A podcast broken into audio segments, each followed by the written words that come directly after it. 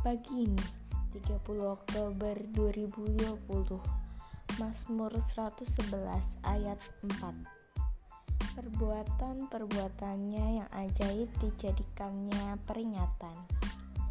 Tuhan itu pengasih dan penyayang.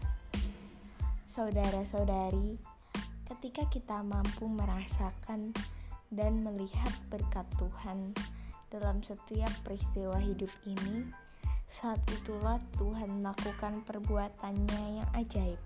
Selamat pagi.